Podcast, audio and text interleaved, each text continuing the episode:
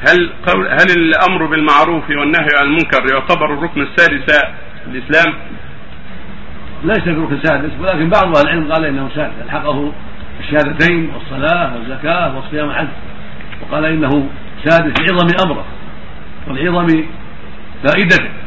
فهو واجب عظيم وفرض فرض عظيم على المسلمين ولكنه ليس ركنا سادسا لأن الناس لا يشرعون. المشرع هو الله على يد رسوله محمد عليه الصلاة والسلام. والرسول صلى الله عليه وسلم بنى الاسلام أخبر أن الاسلام بني على خمس. فليس لأحد يزيد يقول بني على ست. ليس له التدخل في هذا. هذا إلى الله والى رسوله عليه الصلاة والسلام.